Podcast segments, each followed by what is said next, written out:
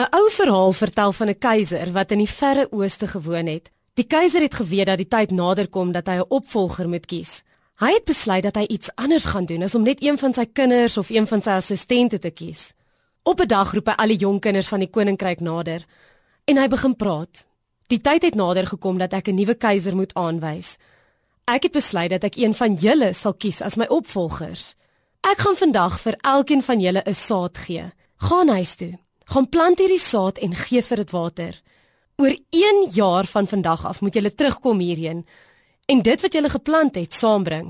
Ek sal julle beoordeel volgens dit wat jy geplant het en daarna die volgende keiser aanwys.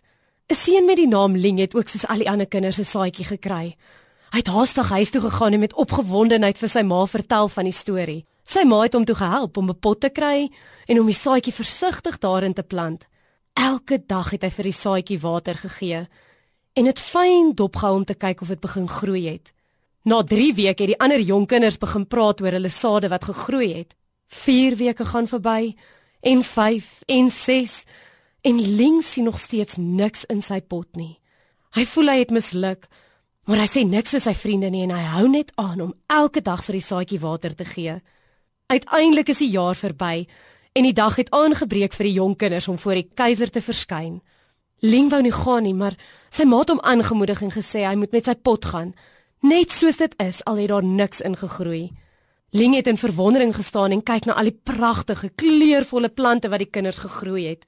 Die keiser arriveer en wens almal geluk met die groot verskeidenheid plante wat hulle geplant het. En deur agter in die hoek merk hy vir Ling op. Die keiser beveel sy wagte om vir Ling met sy leepot na vore te bring. Ling is skoon verleë en verwag dat die koning hom gaan uitskel oor sy mislukking. Maar toe hy voor langs die keiser staan, vra die keiser eers vir hom wat is sy naam. Daarna gaan die keiser voort.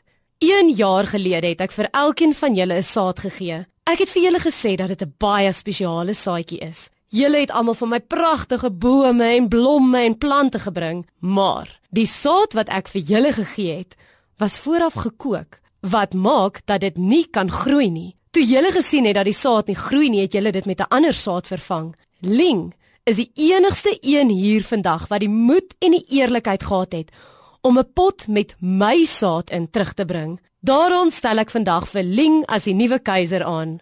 Hierdie verhaal herinner ons dat die waarheid mens soveel verder vat. Spreuke 21 vers 8 sê vir ons: 'n Slegte mens loop krompaaie, 'n eerbare mens tree eerlik op. Mag jy vandag aan hierdie verhaal nadink en eerlik met jouself wees oor waar jy dalk krompaaie loop.